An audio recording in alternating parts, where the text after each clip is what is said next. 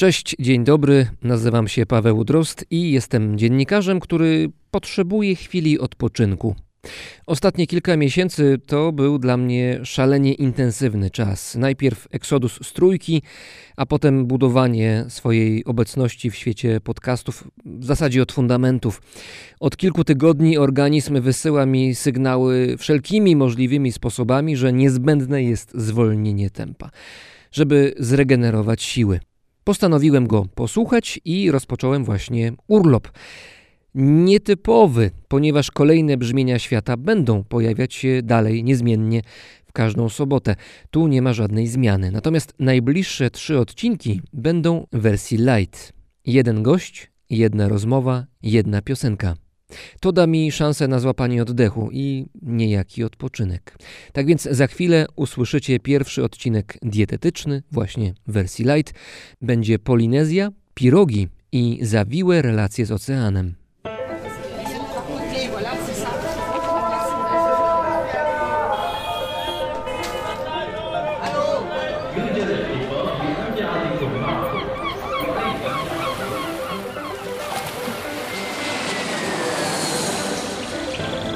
Per capire arma, come deve essere programmato questo principio. Non si sa che cosa fa il latte e che cosa fa.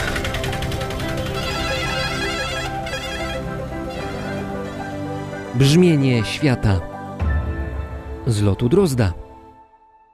W chwili publikacji rozmowy, którą za chwilę usłyszycie, jest 8 sierpnia. Wczoraj wypadała rocznica związana z głośną wyprawą sprzed lat. 7 sierpnia 1947 roku zakończył się głośny wtedy rejs tratwy Kontiki.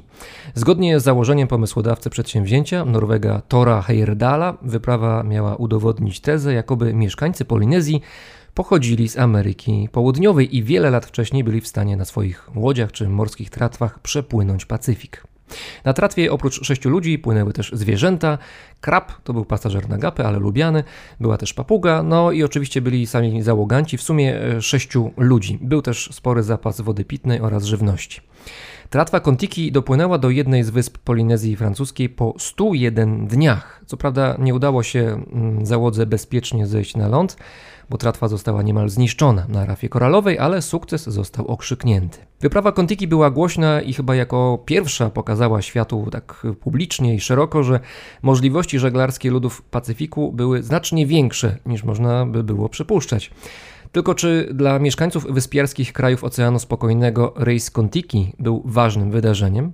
I jak dzisiaj podchodzą do swoich tradycji żeglarskich, których symbolem są pełnomorskie pirogi? O tym rozmawiać będę z antropolożką i etnolożką, która prowadziła badania na Tahiti, dr Małgorzatą Owczarską. Dzień dobry. Dzień dobry. To, co pozostało z tratwy Kontiki, można sobie oglądać w tej chwili w muzeum w Oslo. Sama wyprawa do dzisiaj rozpala jakoś wyobraźnię ludzi, którzy lubią przygody i wyzwania. Ale jak to jest z mieszkańcami Polinezji, czy szerzej mieszkańcami archipelagów Pacyfiku? Czy ta wyprawa, wyprawa Norwega Tora Heyerdala była czymś ważnym? Thor Heyerdahl pewnie był przyjaźnie przyjęty. Zresztą znałam osoby, której dziadek przyjmował Tora Heyerdala po tym, jak się rozbił właśnie Ratował na. Tuamotu. No, on już wtedy był uratowany, przyjechał po prostu na taki odpoczynek na Tahiti. On po prostu spędził jakiś czas w Papenu, w którym prowadziłam badania, stąd też pamiętam tę historię. No, był oczywiście przyjęty jako taki sympatyczny podróżnik, który przepłynął ciekawą tratwą przez Pacyfik, natomiast w żaden sposób nie był traktowany poważnie pod względem historii Polinezyjczyków. Dla nich to po prostu była ciekawostka. No ale bohater przepłynął trzy miesiące na morzu. Udało się. I to na pewno było docenione, dlatego przyjmował go Tawana Papenu. Tawana to jest osoba, która jest rodzajem takiego mera albo wodza wioski, to jest funkcja administracyjna. Ale nie, Thor Heyerdahl nie był istotny dla Polinezyjczyków z punktu widzenia odświeżania czy badania historii ich osadnictwa.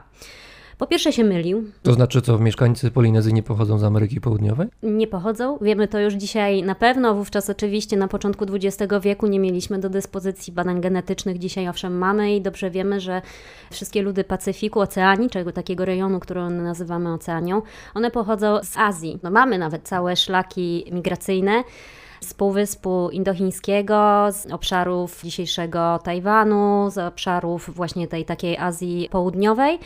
Ta ścieżka migracyjna, ona biegła najpierw przez wyspy tak zwane bliskie Natomiast mieszkańcy dzisiejszej Polinezji to jest późniejsza migracja, która się zaczęła w ogóle od takiego ludu Lapita. Lud Lapita, który już posiadł umiejętność używania pirog i nawigacji. Oni nie tylko poruszali się po tak zwanej bliskiej oceanii, a bliskiej dlatego, że wyspy, no na przykład Salomona, Bismarcka, one są po prostu widzialne jedna od drugiej. Czyli wtedy rzeczywiście być może tratwą można było się przeprawić. Do sąsiada popłyniemy na chwilkę. No więc właśnie. No nie na taką chwilkę, bo to były 200-300 kilometrów, natomiast te wyprawy mogły być możliwe z jakimś takim niższym poziomem technologicznym. No ale później nagle okazuje się, że tak mniej więcej 1200-1300 lat przed naszą erą pojawiają się pierwsi ludzie, właśnie ten lud Lapita. No pojawiają się nam już na Fidżi, czyli daleko od chociażby Wysp Salomona. Co oznacza, że mieli umiejętności żeglarskie, pełnomorskie naprawdę na wysokim poziomie w tamtych czasach. Tak, i ostatnie takie osadnictwo, czy stanowisko osadnictwa Lapita znajdujemy na Samoa.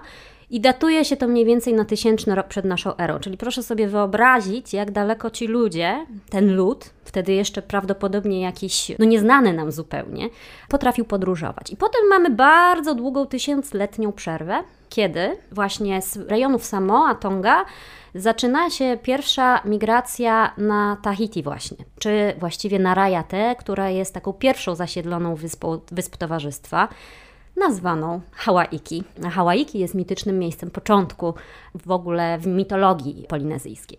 Żeby nie było też wątpliwości, wyspy Samoa, Sawai główna, to też jest właśnie forma Hawaii, czyli Hawaiki. To są wszystko takie pierwsze wyspy osadnictwa, które są właśnie wplecione w tą mitologię, legendy, podróży morskiej, które tak naprawdę są nierozerwalnie powiązane z historią osadnictwa. Czyli legendy i mity to jest de facto przerobione nieco, tak żeby to fabularnie może ładniej wyglądało, zestaw historii związanych z tymi ludami, o których mówimy. Opowieści podróżne. Fakty e... bardziej niż legendy. Tak. Znaczy, fakty ubrane w szaty legendy, może tak. No, jeżeli mamy do czynienia z historią ustną, która się przetwarza poprzez tysiąclecia, a widzimy tutaj, jak opowiadam, że mamy do czynienia naprawdę z taką migracją na przestrzeni dwóch tysięcy lat co najmniej, to w oczywisty sposób one musiały się w jakiś sposób zmieniać. Niemniej jednak, chociażby po nazwach wysp, które się powtarzają, Sawai, Hawaii, Hawaii, teraz dzisiaj Big Island, prawda, w archipelagu Wysp Hawajskich, oznacza pewnego rodzaju połączenie, które zapisywano nie tylko w historii ustnej, no ale właśnie w przestrzeni poprzez nazwy miejsc. I takich nazwy miejsc jak Wawału, które też znajdujemy, to też jest nazwa wyspy, które znajdujemy na różnych archipelagach, od Salomona właściwie po Polinezję francuską, świadczy o pewnego rodzaju połączeniu genealogicznym i właśnie historycznym jednej migracji. Mniej więcej pomiędzy zerowym a 500 rokiem naszej ery przybywają na Tahiti. Ta migracja prawdopodobnie trwała około 500 lat. Wiemy, że ludzie się wtedy znowuż jeszcze osadzali. Nie wiemy do końca, czym przypłynęli, dlatego że żadna piroga z tamtego okresu nie przetrwała, to były konstrukcje drewniane. No i później znowuż jest krótka przerwa, jakieś 200 lat. I zaczyna się migracja w trzech kierunkach. Na Hawaje, czyli górny kąt trójkąta polinezyjskiego, na Rapa Nui, czyli Wyspę Wielkanocną, to jest ten taki zachodni kąt trójkąta, no i 1300-1200 rok naszej ery, czyli nasze średniowiecze, to jest migracja na Nową Zelandię, która również przebiegała gdzieś z Tahiti i Rarotonga, czyli dzisiejszych wysp Cooka. Ale jest ciekawostka. Polinezyjczycy byli w Ameryce Południowej i przywieźli stamtąd kumara, czyli ziemniak słodki. To znaczy popłynęli od siebie ze swoich wysp do Ameryki Południowej, wzięli co chcieli, pożyczyli, kupili i wrócili z powrotem do siebie? Tak prawdopodobnie było. Nie wiemy tego, wiemy na pewno to, że słodki ziemniak, który jest genetycznie pochodzenia południowoamerykańskiego, najprawdopodobniej przez Markizy, później przez Tahiti, na wyspę Cooka, trafił do Nowej Zelandii, gdzie zresztą stał się częścią bardzo ważną miejscowej kultury, bo kumara czy kumala jest bardzo ważnym warzywem, jest bardzo ważnym korzeniem, również o znaczeniu obrzędowym. Kluczowym elementem w podróżach ludów Pacyfiku jest jeden przedmiot, jedno słowo piroga. Bez tego by się nie dało. Oczywiście jest też wiedza, doświadczenie, są ludzie, którzy tymi łodziami pirogami muszą pływać, ale piroga jako konstrukcja i w ogóle jako, jako koncept jest czymś bardzo istotnym do dzisiaj chociaż już mniej, bo ze względów kolonialnych już pewne rzeczy przygasły, ale odradzają się z kolei. To był element, który był w centrum myślenia właśnie o podróżowaniu i o przemieszczaniu się, ale też centrum wierzeń, bo to wszystko było ze sobą powiązane. Tutaj ten wstęp dotyczący osadnictwa jest kluczowy, dlatego że jeżeli przyjrzymy się Polinezyjczykom, to oni wszyscy pochodzą tak naprawdę z Pirogi. To jest po prostu miejsce pochodzenia. Ojczyzna. Ojczyzna. Pływająca. Piroga była zawsze u zarania wszelkiego rodzaju osadnictwa. I oczywiście pochodziło się z wyspy jakiejś poprzedniej, natomiast aby zdobyć nowe lądy, należało po pierwsze posiąść technologię, po drugie popłynąć i znaleźć nową wyspę, która później stawała się być może początkiem jakiejś kolejnej nowej migracji. Ale to, co jest bardzo ciekawe, to wyspa też była wyobrażana jako statek, jako piroga. Mało tego, same pirogi jeśli chodzi o kulturę czy hawajską, czy taitańską, były pewnego rodzaju symbolem, ale również takim wzorem społeczności i pewnego porządku społecznego, który później panował na wyspach. Czyli mamy do czynienia z takim bardzo ruchomym morskim światem. My z takiego punktu widzenia kontynentu wyobrażamy sobie świat jako niezwykle formę stabilną. No ta Ziemia leży. Niezmienną. Niezmienna. Jak drzewo rośnie, to rośnie, prawda? Jak my się gdzieś poruszamy, to widzimy zazwyczaj jednak słońce z jednej strony zachodzi, a z drugiej wschodzi i to nam w żaden sposób się nie rusza. Kiedy jest się na morzu, to właściwie moment wschodu i zachodu słońca, moment zejścia i zajścia gwiazdy jest tylko takim momentem jedynym, kiedy my możemy się zorientować, gdzie w rzeczywistości jesteśmy, dlatego że wszystkie przestrzenie się ruszają na tej pirodze. Rusza nam się podłoga, rusza nam się niebo, które przecież podróżuje sobie w zależności od dnia, to znaczy podróżuje. No to Ziemia się kręci oczywiście, natomiast z perspektywy żeglarza to to niebo się rusza i ono każdego dnia rusza się inaczej w zależności zresztą jeszcze od szerokości geograficznej, dlatego że Polinezyjczycy dlatego mogli nawigować na gwiazdy i mogli to robić już no właśnie najprawdopodobniej około tego zerowego roku albo wcześniej, bo te szerokości tropikalne pozwalają na dość małą amplitudę ruchu tych gwiazd, czyli one bardzo długo po wschodzie są widoczne mniej więcej tam, gdzie jest dany kierunek. I można dzięki temu się odnosić do tak zwanej deklinacji gwiazdy, czyli momentu czy punktu na horyzoncie, w którym ona wstaje. Czyli spłycając nieco, mówiąc tak zupełnie banalnie i po amatorsku, niebo nie pływa tak mocno w rejonach tropikalnych, jak w rejonach naszych. I w tym momencie te gwiazdy są punktem odniesienia. Zdecydowanie tak. Podobnie jak ich punkty zenitalne są po prostu bliższe faktycznym kierunkom kursowym. Jak mówimy piroga, to co mamy na myśli? Jak mówimy piroga, to mamy na myśli wyobrażenie nasze o pirogach, natomiast jak mówimy wa'a, waka albo wa'a po hawajsku pisane przez W, to widzimy dwukadłubową łódź morską. Po tajtańsku nazywa się to też pahi. No tutaj kwestie tłumaczenia tego na kanu, które jest w rzeczywistości słowem z Karaibów pochodzącym. Piroga to nasz pomysł chyba na jakieś takie umniejszenie znaczenia tych statków bo piroga w naszym języku oznacza jakąś taką dłubankę, którą się... Właśnie coś niestabilnego, tak. zrobionego trochę byle jak, z jakichś podręcznych środków, może nie do końca jest to trwałe, a tu mówimy o czymś jednak jak najbardziej trwałym, no to, te jednostki morskie potrafiły przepływać wielkie przestrzenie na Pacyfiku, który jest znany z tego, że nie jest spokojny wbrew nazwie. Nie jest. No to mówimy o technologii, która w momencie, kiedy Fenicjanie jeszcze trzymali się brzegu Morza Śródziemnego, które w porównaniu do Pacyfiku jest kałużą, no było na miarę technologii kosmicznej. I oni no, w ten kosmos, czyli w to morze, w ten swój świat ruszali z pełną wiedzą i technologią. Więc jeśli ja myślę o WAA, czy o Waka, to myślę właśnie o wyjątkowej manifestacji ludzkiej myśli technologicznej, która jest bardzo stara i która jest niezwykle powiązana z wiedzą dotyczącą obserwacji i umiejętności wykorzystania różnego rodzaju znaków naturalnych, właśnie gwiazd, właśnie pływów morskich, właśnie nawet ptaków, które się w zależności od gatunku bliżej bądź dalej znajdują od wyspy i odlatują na łowy. To jest olbrzymia wiedza i olbrzymia umiejętność. Mało tego, widzę też, oprócz tego, że symbol pewnego rodzaju wizji świata Polinezyjczyków, to widzę też społeczności, które na tych pierogach przebywały i widzę też historię fauny i flory, dlatego że Polinezyjczycy podróżując przywozili ze sobą rośliny użytkowe i zwierzęta. Znaczy, no, żadne ssaki wówczas nie mieszkały na Pacyfiku. Oni przywieźli psa, kurę, szczura, i właśnie Szczura to pewnie na gapę. To nie jest do końca powiedziane. Być mm. może ten szczur był całkiem świadomie transportowany. Dlaczego? Do czego mógł być przydatny? Znaczy, ja E, hodowałem kiedyś szczury, wiem, że są bardzo fajne i sympatyczne jako zwierzęta domowe, ale jako dzikie stworzenia, no niekoniecznie. Są jadalne Mhm. i bardzo szybko się rozmnażają. Generalnie prawdopodobnie, jeżeli chodzi o pierwszych osadników, no to kury, świnie i psy to były wszystko zwierzęta jadalne i użytkowe. Ale bardzo długo się rozmnażają. W związku z tym, kiedy ktoś ląduje na wyspie, na której wyobraźmy sobie, nie ma bananów jeszcze, nie ma owoców chlebowca, bo też są sadzonki, nie ma jeszcze trzciny A to, w, cukrowej. bo to w ogóle pani bardzo dotyka ważnego elementu, to znaczy wyobrażamy sobie wyspy tropikalne jako te, gdzie wegetacja jest tak bujna, że właściwie tylko podnoszę rękę i już mam jakiś owoc, już mogę się najeść, właściwie mogę leżeć na plaży non stop i jedzenie jest.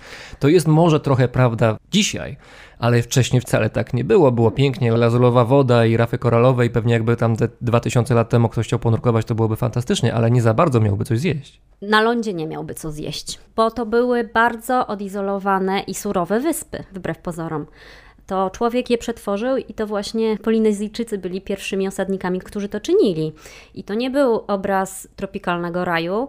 Tam być może były palmy kokosowe z rzeczy jadalnych, ale nie jesteśmy tego pewni, dlatego że kokos też był taką rośliną, którą oni przewozili.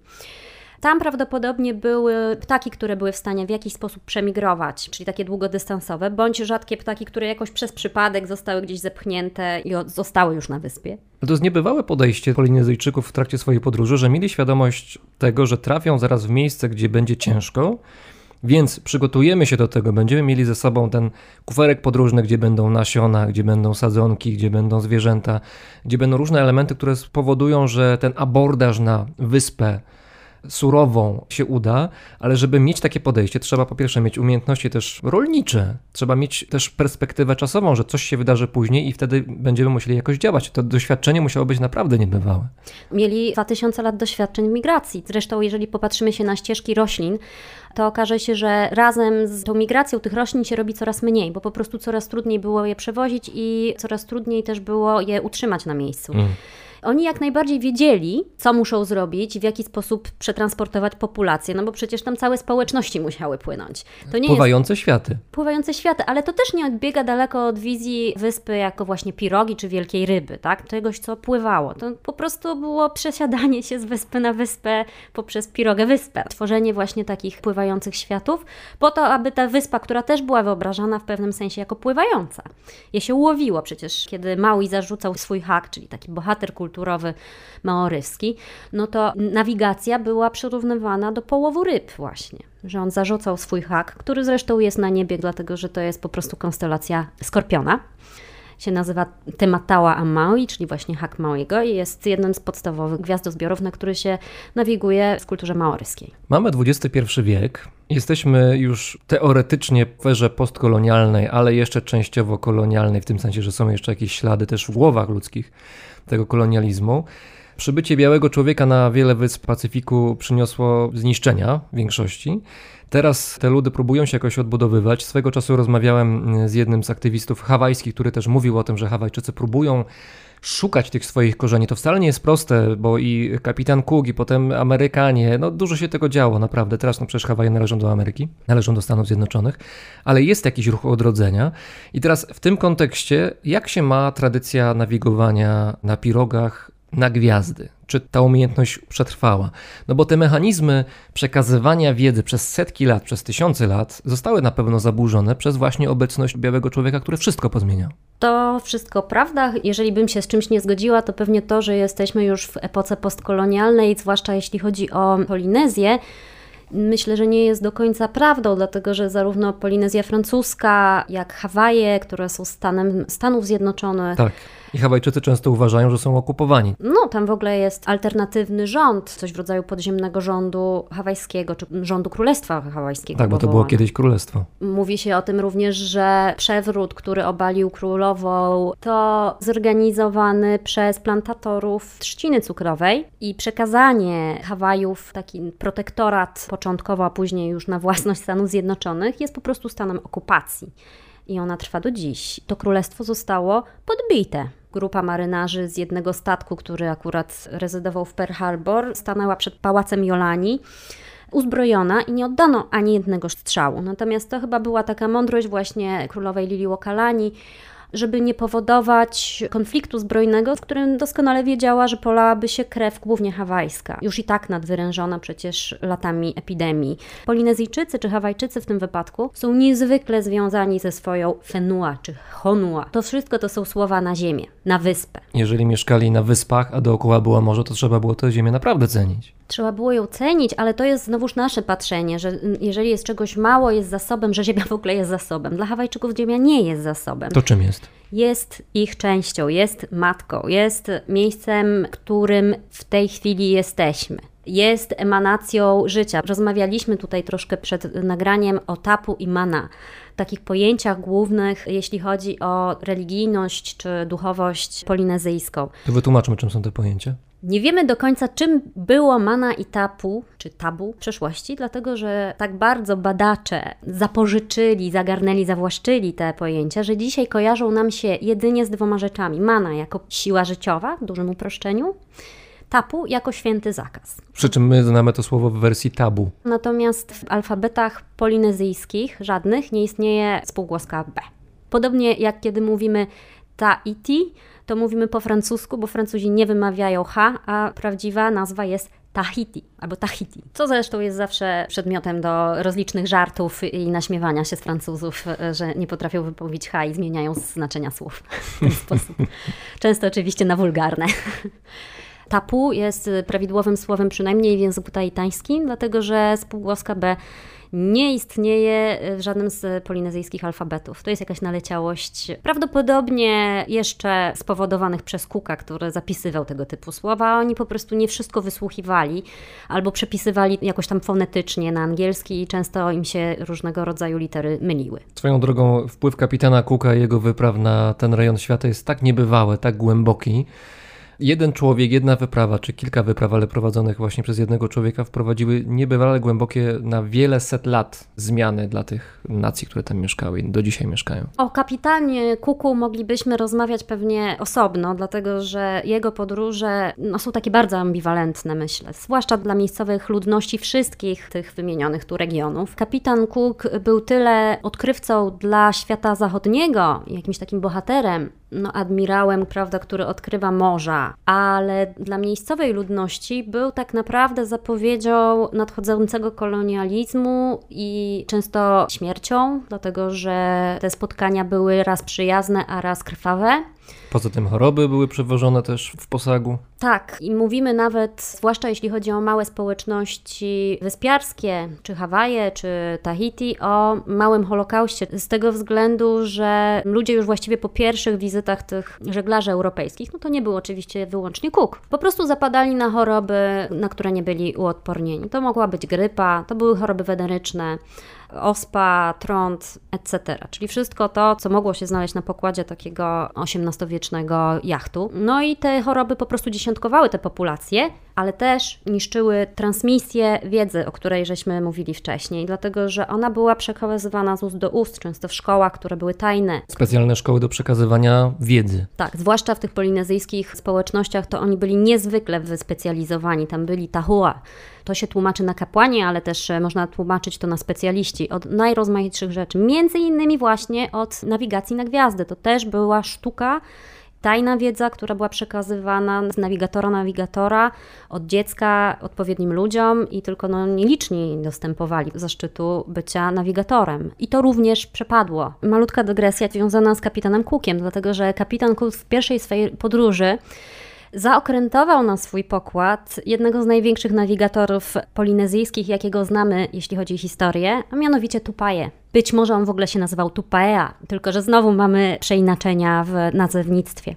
Tupaja był Tahua Nui z bractwa Arioina Arayatei. Prawdopodobnie pochodził z królewskiej rodziny a do tego był mistrzem nawigatorem. On na dobrą sprawę nawigował czy pokazywał Kukowi kolejne wyspy, które on odkrywał, przynajmniej po wyspach Towarzystwa i właśnie w bezpośrednim sąsiedztwie Tahiti. Czyli Polinezyjczyk przyłożył częściowo rękę do tej tragedii, która się potem wydarzyła. Nie intencjonalnie. On tak trochę hmm. też tego Tahiti wówczas uciekał, dlatego że przypomnijmy sobie, że w momencie, kiedy Cook zawitał na Tahiti, to były bardzo niespokojne czasy. No Walki międzyklanowe. właściwie międzykrólewskie już można powiedzieć, bo chodziło o zjednoczenie wysp, na początku Tahiti, później innych, pod jednym władcą. No i Tupaja był z jednej z frakcji, która niestety przegrała. Salwował się troszkę ucieczką z tym kapitanem Cookiem, natomiast jego olbrzymia wiedza płynęła na tym jachcie, a on to bardzo zaniedbał, kapitan Cook. Załoga nawet kapitana Cooka to doceniała, natomiast nie zadali sobie trudu, aby dopytać się Tupaje, nauczyć się czegoś od niego. Gdyby wtedy kapitan Cook albo Banks, który był z nim na pokładzie, dopytali, więcej byśmy wiedzieli dzisiaj o tej sztuce nawigacji, bo późniejsi nawigatorowie tajtańscy, jak na przykład Omaja, który wsiadł na kolejny jacht Cooka, już nie był tej klasy nawigatorem. Tupaja zmarł w czasie tej podróży, prawdopodobnie na żółtą febrę w okolicach Dżakarty. No i razem z nim przepadła wiedza. Skoro przepadła, to jak jest możliwe, że w tej chwili się odradza? Bo jakoś się jednak odradza. Są nowi nawigatorzy. I tutaj mówimy o roku 1978 i okresie w ogóle lat 70., kiedy to na Hawajach robiło się bardzo niespokojnie. Zaczął się ruch suwerennościowy, czyli właśnie nawiązując do tego przekonania o okupacji. Czy równolegle na innych wyspach Pacyfiku też to się działo, ten proces? Nie, to nastąpiło później. Jeśli chodzi o Hawaje, oni byli zdecydowanie pierwsi. Na Tahiti to były już raczej lata 80. i to pączkowało sobie jakby z Hawajów. No, Maorysi troszkę są też innym przykładem. Tam w ogóle historia potoczyła się zupełnie inaczej i, i oni zawsze troszkę byli w opozycji, troszkę bardziej też niezależni. Natomiast na Hawajach ten ruch był pionierski, zwłaszcza jeśli chodzi o pirogi. No bo teraz w jaki sposób pirogi wróciły na Pacyfik. No mianowicie w 1976 trzech panów. Ben Finley, który był antropologiem kultury na Uniwersytecie Hawajskim. Niejaki Herb Kawai Nui Tane, który był Hawajczykiem i rysownikiem, zafascynowanym pirogami. I Tommy Holmes, człowiek morza, po prostu fascynat żeglugi morskiej, postanowili powołać do życia coś, co się nazywało Pacific Voyaging Society. I to początkowo był taki projekt naukowy, który miał właśnie sprawdzić, czy pirogi morskie, czy te waka moana, czy pachi były w stanie nawigować na wiatr. Na wiatr, dlatego że konstrukcja pirogi no to jest tak, dwa kadłuby, płytko zanurzone, bez kila, no i z żaglem trójkątnym odwrzuconym albo krabowym. Taka konstrukcja łodzi oznacza tyle, że prawdopodobnie nie pływa ona za ostro. Płynąć ostro oznacza płynęcie pod wiatr. A trzeba sobie przypomnieć, że podróż z zachodu na wschód łączy się z pływaniem pod pasaty. A posaty wieją z kierunków wschodnich generalnie. I to są to wiatry stałe, w związku z czym, żeby się przemieścić z zachodu, Samoa chociażby na Tahiti, czy z Tahiti popłynąć na Hawaje, trzeba umieć podpłynąć przynajmniej półwiatrem albo pod wiatr. No i dotychczasowo od lat 50. uważano, że Taitańczycy czy w ogóle Polinezyjczycy przybywali na te wyspy przypadkiem, że to sztormy ich zrzucały. Że to nie było działanie celowe. Że to nie było i nie mogło być działanie celowe, dlatego że te łodzie nie były w stanie, by podpłynąć pod wiatr. No i właśnie Finlay był przekonany, że to jest niemożliwe. No bo jak przywieźć całą społeczność, jak zainstalować na wyspie, która jest 2000 mil od drugiej wyspy, całą populację, która prawdopodobnie liczyła około miliona osób. No oni by się z tych rozbitków nie rozmnożyli, że się tak kolokwialnie wyrażę w jaki sposób zapewnić roślinę użytkową, o których mówiliśmy, prawda? Że jakby celowość tych podróży była dla niego oczywista, natomiast w tym czasie, w tych latach 70., podważano ją. Mówiąc, że Polinezyjczycy są, i tutaj w cudzysłowie, zbyt dzicy, czy prymitywni, czy byli, aby dać sobie z tym radę celowo, że oni po prostu tej wiedzy nie mieli. No i w latach 70. ruch suwerennościowy Dlatego jakby wchłonął w pewnym sensie to pirogę, czy piroga była bardzo ważnym symbolem, dlatego że przywracała tą dumę Polinezyjczyków. Bo cóż zrobili Ben Finley i Herb Kane? Wybudowali pirogę, która się nazywa i nazywa się do dzisiaj Hokulea. Ona wprawdzie nie była zrobiona z drewna, dlatego że na ten czas już nie było drzewa takiego, które by mogło pozwolić na wyżłobienie tak dużych kadłubów. Po dobie bardzo wzmożonej wycinki i sprzedaży gdzieś tam na rynki chińskie i amerykańskie, no po prostu niewiele zostało. Te drzewa wolno rosną. W związku z czym hokula nie mogła powstać w tradycyjny sposób. Stworzono ją z tworzywa, ale pokład był już drewniany. Też nie było wiadomo, w jaki sposób ta piroga ma wyglądać, dlatego że chciano odtworzyć podróż jak najbardziej bliskiej kształtowi pirogi do tego, co mogło być tym takim pierwszym wehikułem pierwszych Polinezyjczyków. No bo tak, bo nie było książek, rysunków, opisów, bo cała wiedza była przekazywana ustnie, a skoro została wiedza przerwana, przekazywanie jej zostało przerwane w związku z interwencją białych i kolonializmem, no to rzeczywiście źródeł nie było. Nie było źródeł i materiału, przestały być robione po prostu. Były oczywiście z 1616 roku przekazy podróżnicze, które pokazywały pirogę letongijską, taki rysuneczek, taki szkic. I cóż się dzieje? Herb Kane jako rysownik zbiera charakterystyczne cechy pirog z całego regionu Polinezji i po prostu tworzy na tej podstawie coś, co mogłoby być taką pierwszą pirogą. Przy czym mówimy o pirodze pełnomorskiej, takiej no, większej, poważniejszej. Mówimy o Waka Moana, takiej właśnie oceanicznej, czyli dwukodłubowa. Miały dwa stateczne, duże pływaki. Natomiast Waka, takie zwykłe, mniejsze, miały po prostu statecznik i jeden duży kadłub. One były szybsze, natomiast mniej już nadawały się może na takie poważne przeprawy morskie. No i oni tworzą właśnie taką pirogę dwukadłubową i ruszają w 1976 roku na podróż pomiędzy Hawaii do Tahiti. Natomiast drugi problem, nikt nie zna metody nawigacji na gwiazdy polinezyjskie, gdyż ta wiedza przepadła. W związku z czym zapraszają na ten rejs papę Maopiailunga. Jestem pełen podziwu, że pani pamięta wszystkie te nazwiska, naprawdę. No, y, ja po prostu dużo czasu spędziłam na rozmowach z ludźmi i czytaniu o nich, więc, więc jakoś tak już się wryło w pamięć. Ja zapamiętałem papa przed chwilą. Papa to jest takie przyjazne określenie osoby, to niemalże tytuł człowieka, który jest szanowany. To jest mhm. taki to może być czasami wujek, a czasami papa, czyli dziadek, ojczulek. Ktoś, kto ma doświadczenie. Ktoś, kto ma doświadczenie. No a papa Mału, bo tak o nim najczęściej się mówi, był mistrzem nawigatorem z Satawal z Wysp Karolin. Karoliny były w tym szczęśliwym położeniu, że tam ta sztuka żeglugi pełnomorskiej ona się zachowała. Nawigatorzy byli i do tej pory zresztą są i miewają się dobrze. No i papa był jednym z nich, ale też był na ten czas zmartwiony, że nie ma nowych uczniów. W związku z czym zgodził się popłynąć na Hukulei, po to właśnie z taką nadzieją, że być może przyciągnie tym samym również swoich własnych rodaków do żeglarstwa.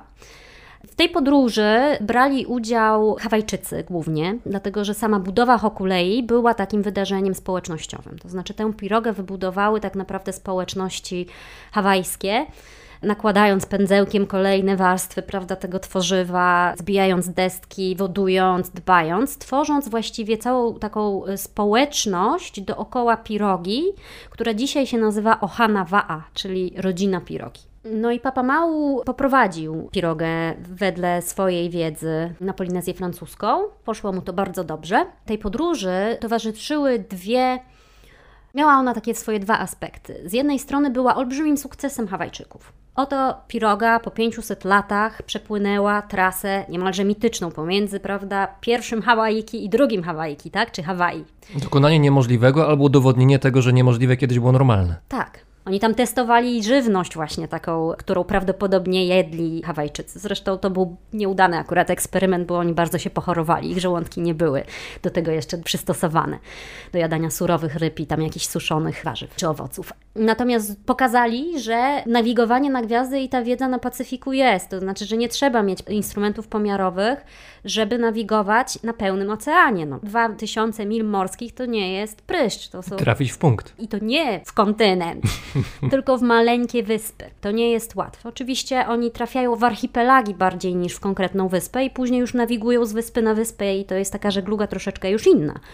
No natomiast nie można tutaj pomylić za bardzo kierunków, bo można ich archipelag z powodzeniem ominąć. To jest jedna trzecia świata, to naprawdę jest olbrzymi ocean. Oni to zrobili. Ale oprócz tych takich sukcesów, które niewątpliwie podniosły dumę z bycia Hawajczykiem, które niewątpliwie dodały dużo do tego ruchu suwerennościowego, Hokulea stała się symbolem takiej mocy polinezyjskiej, tak, tej mana to na tym pokładzie po prostu był olbrzymi konflikt, zwłaszcza pomiędzy białą jego częścią a hawajską. I to odzwierciedlało bardzo nastroje tamtych czasów.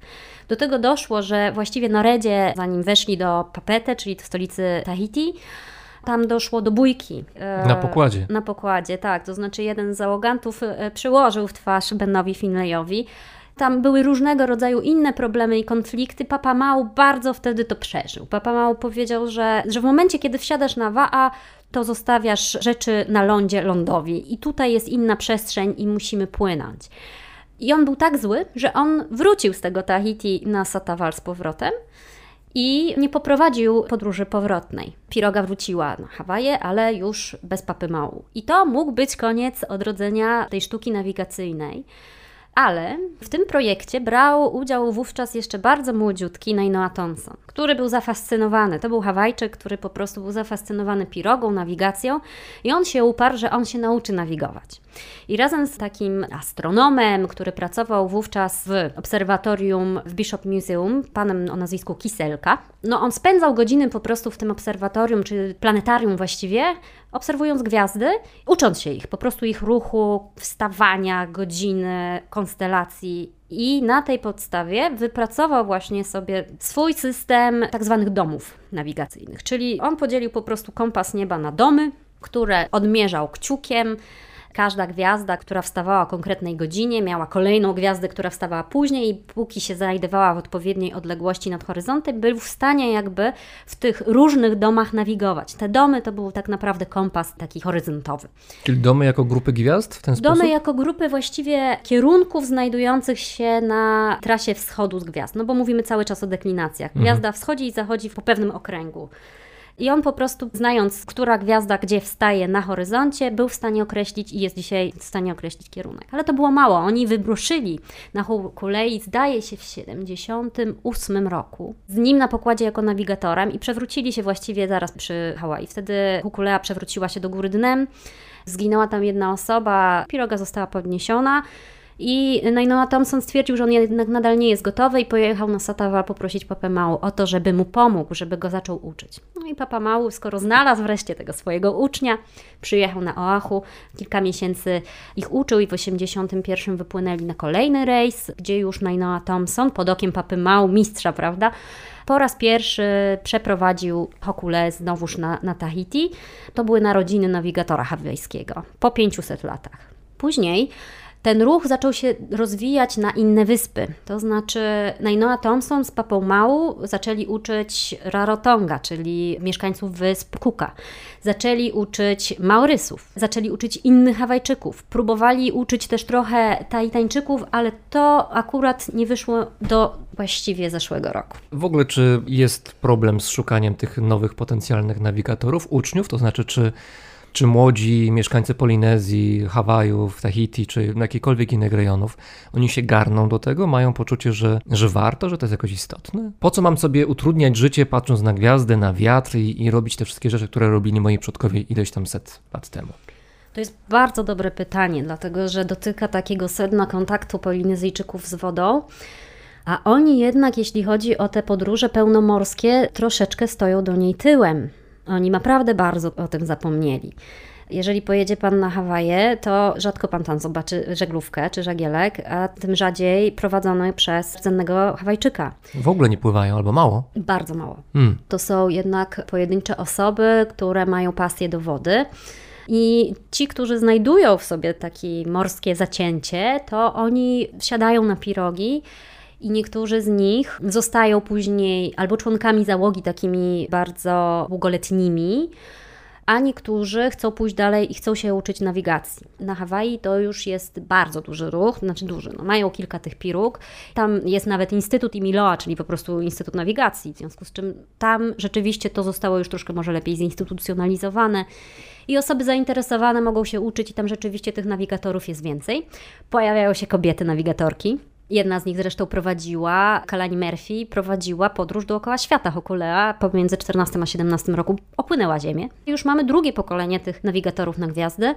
Bardzo ładnie to się rozwija w Nowej Zelandii, nieźle jest na Wyspach Cooka, no i bardzo dobrze na Hawajach. Ale jaka jest skala tego zjawiska, tego odrodzenia? No, jeżeli mamy powiedzmy 100 e, nastolatków na Hawajach, to ilu z nich potencjalnie mogłoby się zainteresować i ilu realnie potem zwiąże swoje życie przecież właśnie z tradycyjnymi metodami żeglarstwa? Myślę, że należy na to popatrzeć troszeczkę inaczej, to znaczy znowu spojrzeć na to, czym jest piroga i czym jest Ohanawa'a. Nie każdy związany z pirogą musi być nawigatorem. I tych nawigatorów, ludzi, którzy znają się na nawigacji na gwiazdy, jest stosunkowo niewielu. Jest to sztuka trudna, wymagająca poświęceń i wiązania życia z morzem. I takich ludzi jest do 20 byśmy doliczyli. No, Papa Mału mianował 11 nawigatorów FO, tak zwanych, czyli mistrzów nawigacji. Jest zdecydowanie więcej piruk, jest zdecydowanie więcej załóg. Te załogi są wymienne, więc tutaj już pewnie mamy około setki, dwusetki, trzysetki ludzi. To są nieduże społeczności, pamiętajmy też o tym. Ale obok tego, czy dookoła tego, jest rzesza ludzi, którzy pirogi wspierają na lądzie. Jest cała taka grupa osób, które zajmują się tą strefą kulturalną, nazwijmy to dookoła pirogi, pieśniami. Angażuje się do tych podróży choreografów ludzi, którzy piszą piosenki. Bo piroga jest nośnikiem kultury. Centrum kultury. No. Absolutnie kluczowym, centralnym symbolem, istotą żywą, technologią. Takim miejscem, które łączy też wiele różnych kultur Pacyfiku, bo nie tylko polinezyjskich. No po prostu ci ludzie są z pirogi. Dookoła tego bardzo wiele rzeczy się dzieje technicy, aktywiści, politycy, oni wszyscy dookoła tych piruk w jakiś sposób uczestniczą. Chociażby poprzez organizowanie powitań piruk, które przypływają na kolejne wyspy, no to zawsze jest jakieś duże wydarzenie. No jeżeli chodzi o to pierwsze przejście historycznie 1976 roku, to w Papetę z drzew, bulwarów, na plaży, zwisali ludzie niemalże i szacuje się to na 7 do 15 tysięcy ludzi, którzy witali tą pirogę. To jest naprawdę część bardzo ważna tamtejszej kultury i ludzie dookoła tego się będą organizować zawsze. No na przykład na fladze Polinezji Francuskiej. Tam jest piroga, która ma pięć takich gwiazdek symbolizujących pięć archipelagów. Jeżeli się przyjrzymy y, logo Uniwersytetu Polinezyjskiego, piroga. Jeżeli się przyjrzymy nazwie jednostek administracyjnych, to to się nazywa Wa'a Mata Aina, czyli Wa'a to jest piroga, Aina to jest ziemia. To wszystko oznacza po prostu pirogę, ziemię i jej ludzi. Ta piroga, ona, mm, ona nigdy nie wyszła tak naprawdę z kultury polinezyjskiej, jeśli chodzi o tą strefę symboliczno-społeczną. Jest niezwykle istotna. Ona po prostu przepadła jako przedmiot. Oni przestali żeglować w pewnym momencie bądź to dlatego, że zostało to zakazane. W przypadku Hawajów w pewnym momencie tak się stało, chociaż rzeczywiście te podróże takie dalekosiężne, one gdzieś się zatrzymały zupełnie samoistnie, prawdopodobnie XV-XVI wiek. Pływała Pani pirogą? Pływałam. Na Tahiti? Pływałam na Fafajtę. Było super. Fafajte jest pirogą nowej generacji. Jest taką chyba pierwszą pirogą, która organizuje wokół siebie na Tahiti właśnie tą społeczność. Jest to stowarzyszenie, które się nazywa Fafajte Te Ao Maoi, co oznacza no, pojednanie świata Maoi polinezyjskiego.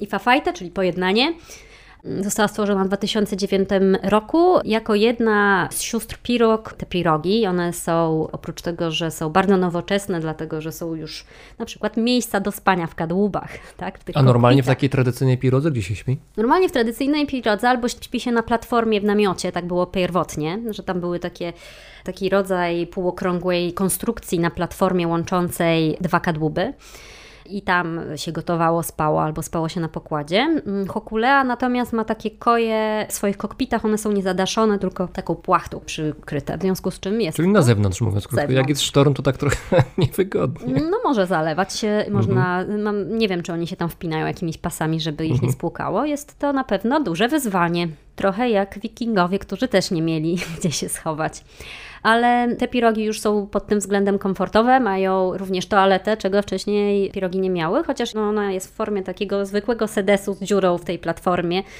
I co trudniejsze, ta toaleta, ona się znajduje na przodzie pirogi, w związku z czym przy cięższych warunkach no, trzeba przebyć tę drogę, żeby pójść do łazienki. Jest to wyzwanie. i później spłukuje się to wodą zaburtową, w związku z czym trzeba jeszcze z wiaderkiem wychylić się na zewnątrz, wyciągnąć szalejący, szamocący się, prawda, obiekt. Każdy, kto próbował kiedyś wyciągnąć wiadro z wody płynącej, nawet bez sztormu, wie, jaki to jest opór.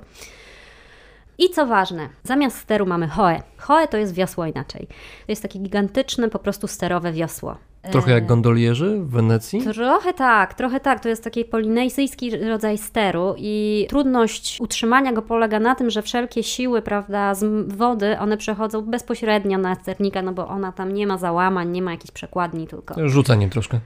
No, rzuca, tak. No, ja miałam takiego gigantycznego siniaka po prostu na boku i każda nawigatorka czy każda żeglarka ma. Mężczyźni radzą sobie lepiej ze względu na budowę ciała, po prostu tak bardzo im biodra nie ubira, a kobiety rzeczywiście, no to przechwalałyśmy się tutaj, prawda, która ma większy siniak. Trudno jest to utrzymać, wiąże się je linami, żeby pomóc troszeczkę sternikowi trzymać kurs, albo dwóch musi trzymać, ale to hoe jest niezwykle ważne dla polinezyjskich marynarzy, dlatego że oni czują niezwykłą dumę z tego, że dzierżą hoe i czują tą moc oceanu.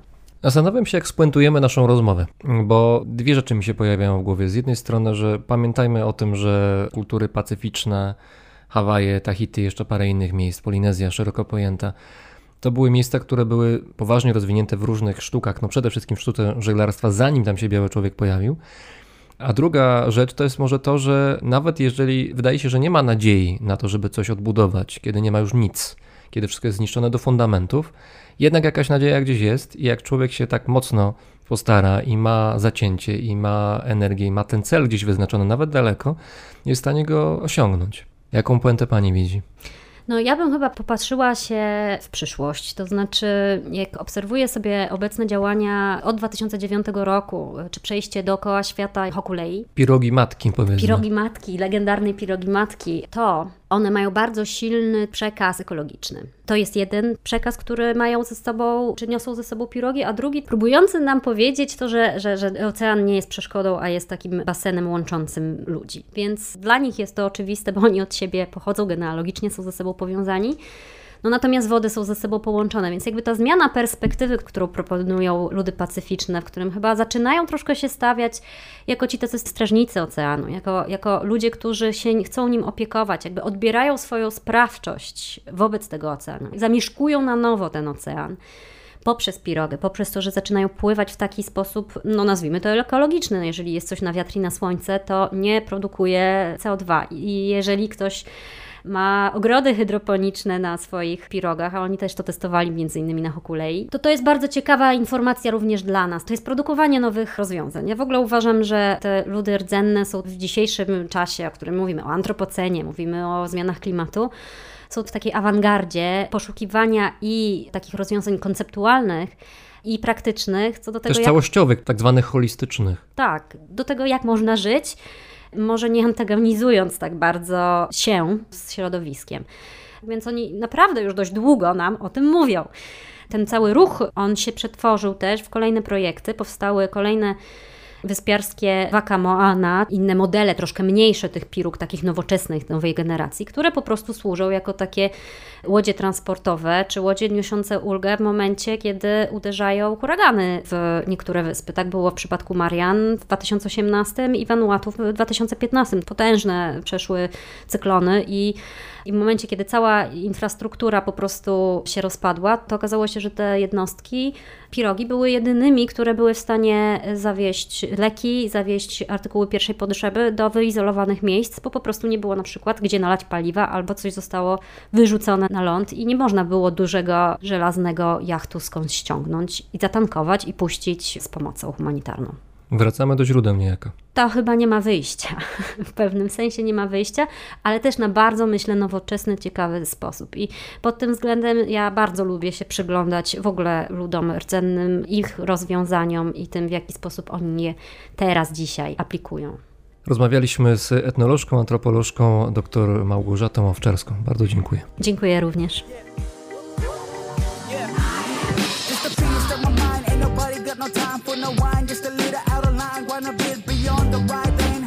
Having positive mind frame, ngupanili dream ko ngayon marchi you after na yakan dito tingin yan minyal ulain. It's not about fame, kicking goals, opening doors to a new era, making sure it's correct, not an error. Otherwise you will disconnect. And the darkest days won't last forever. Even brighter days come sooner or later. Yaka win, thinking marchi